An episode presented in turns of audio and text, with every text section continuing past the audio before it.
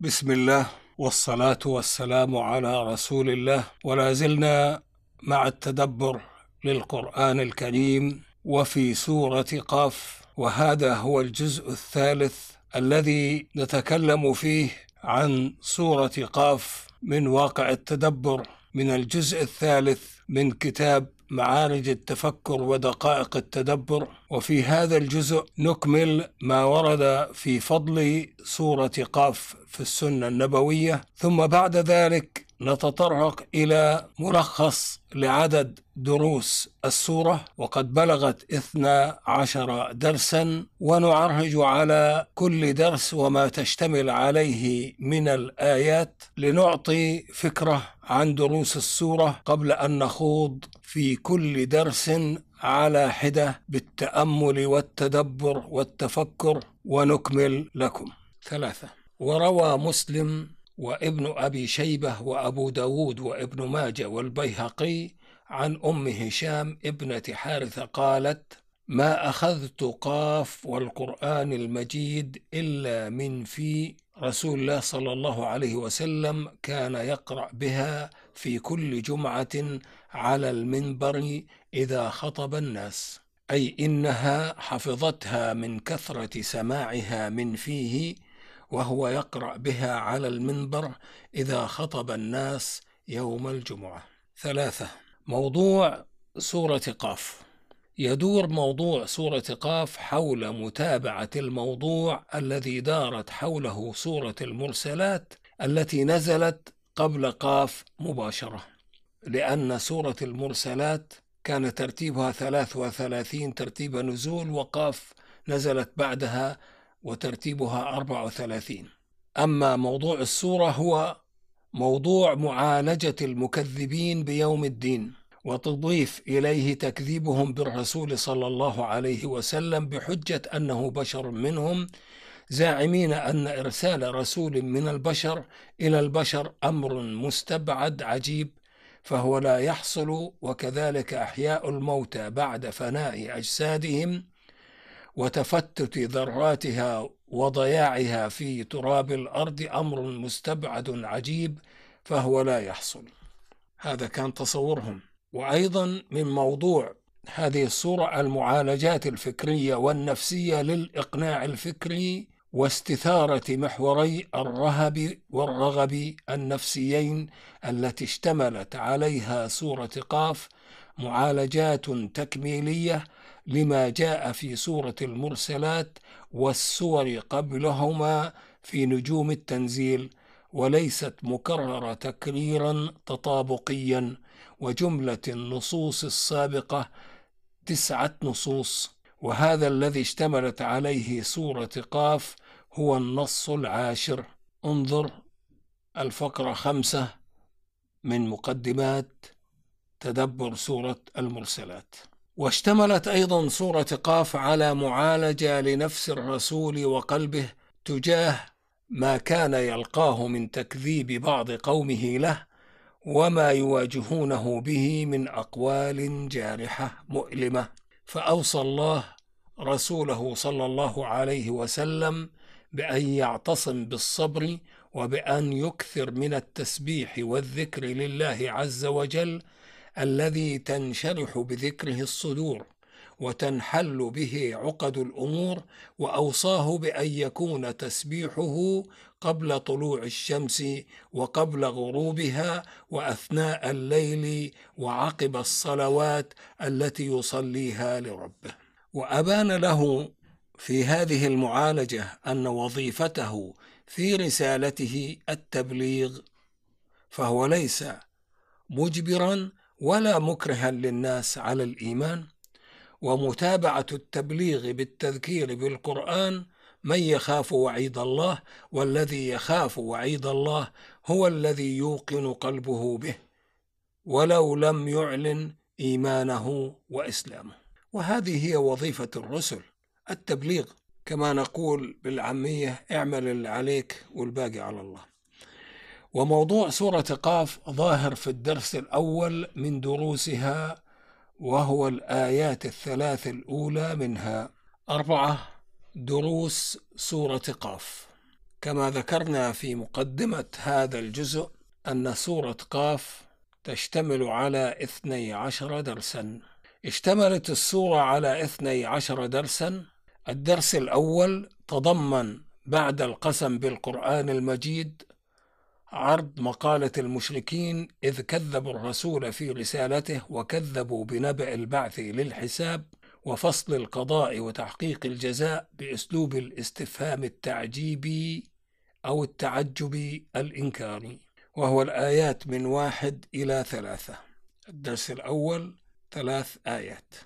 الدرس الثاني تضمن دفع توهمهم أن تفتت رفات أجساد الموتى واختلاطها بتراب الأرض يجعل من المستحيل تمييزها وجمعها وإعادتها إلى الأجساد التي كانت فيها قبل موتها وتضمن بيان واقع حالهم النفسي الذي جعلهم في وضع قلق مضطرب لا يستطيعون معه إدراك حقائق الأمور بعد أن كذبوا بالحق لما جاءهم لأنه خالف أهواءهم ورغبات الفجور التي لديهم وهذا الدرس آيتان فقط الآية الرابعة والآية الخامسة.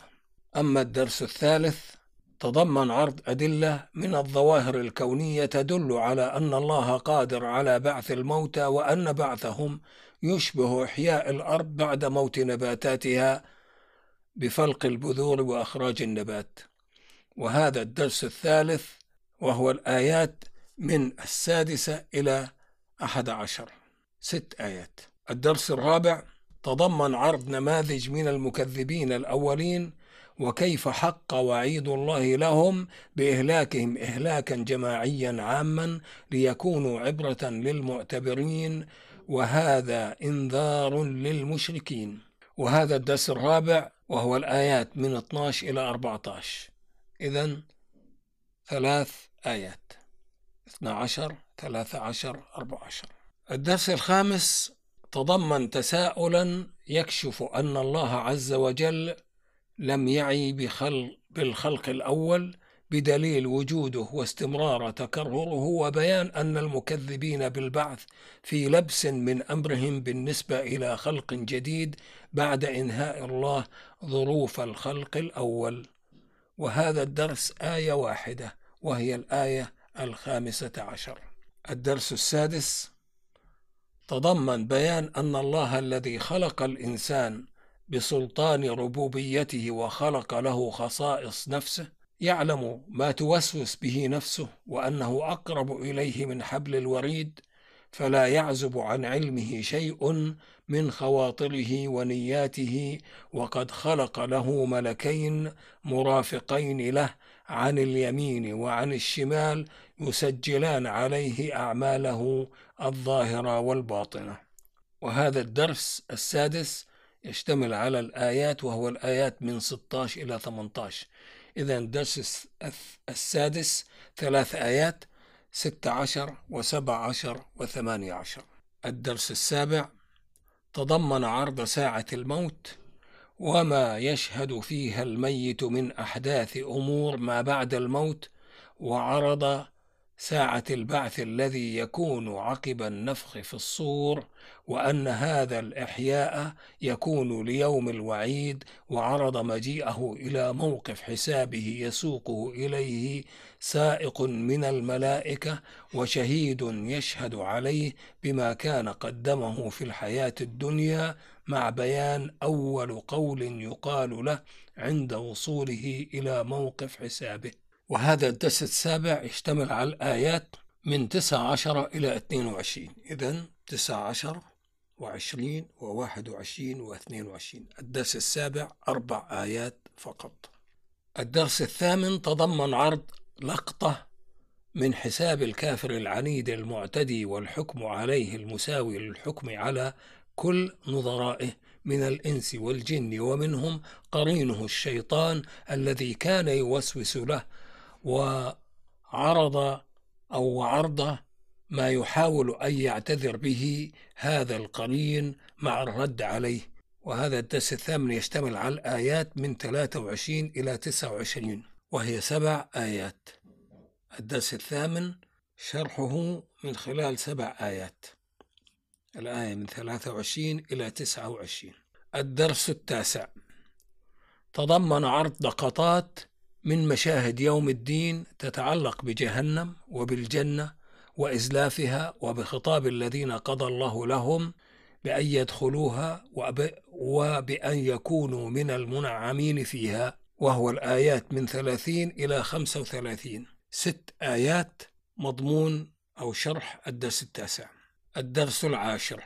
وهذا الدرس تضمن توجيه إنذار لمكذب الرسول والمكذبين بيوم الدين بسنة الله في إهلاك أمثالهم كما فعل الله بكفار القرون الأولى من إهلاك عام شامل وتعذيب يعتبر به من كان له عقل أو أصغى للبيانات الكلامية وشهد آثار الأولين. وهذا الدرس العاشر هما الآيتان 36 و 37 الدرس الحادي عشر.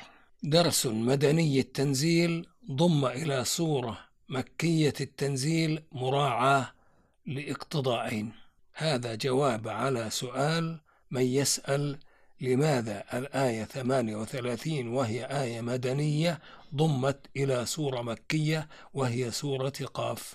الاقتضاء الأول أن سبب نزوله الرد على مقالة اليهود في المدينة الزاعمين أن الله بعد أن خلق السماوات والأرض في ستة أيام استراح في اليوم السابع فجعله مقدسا متوهمين أن الله قد مسه التعب والنصب في عمليات الخلق فأبان الله كذبهم في هذا.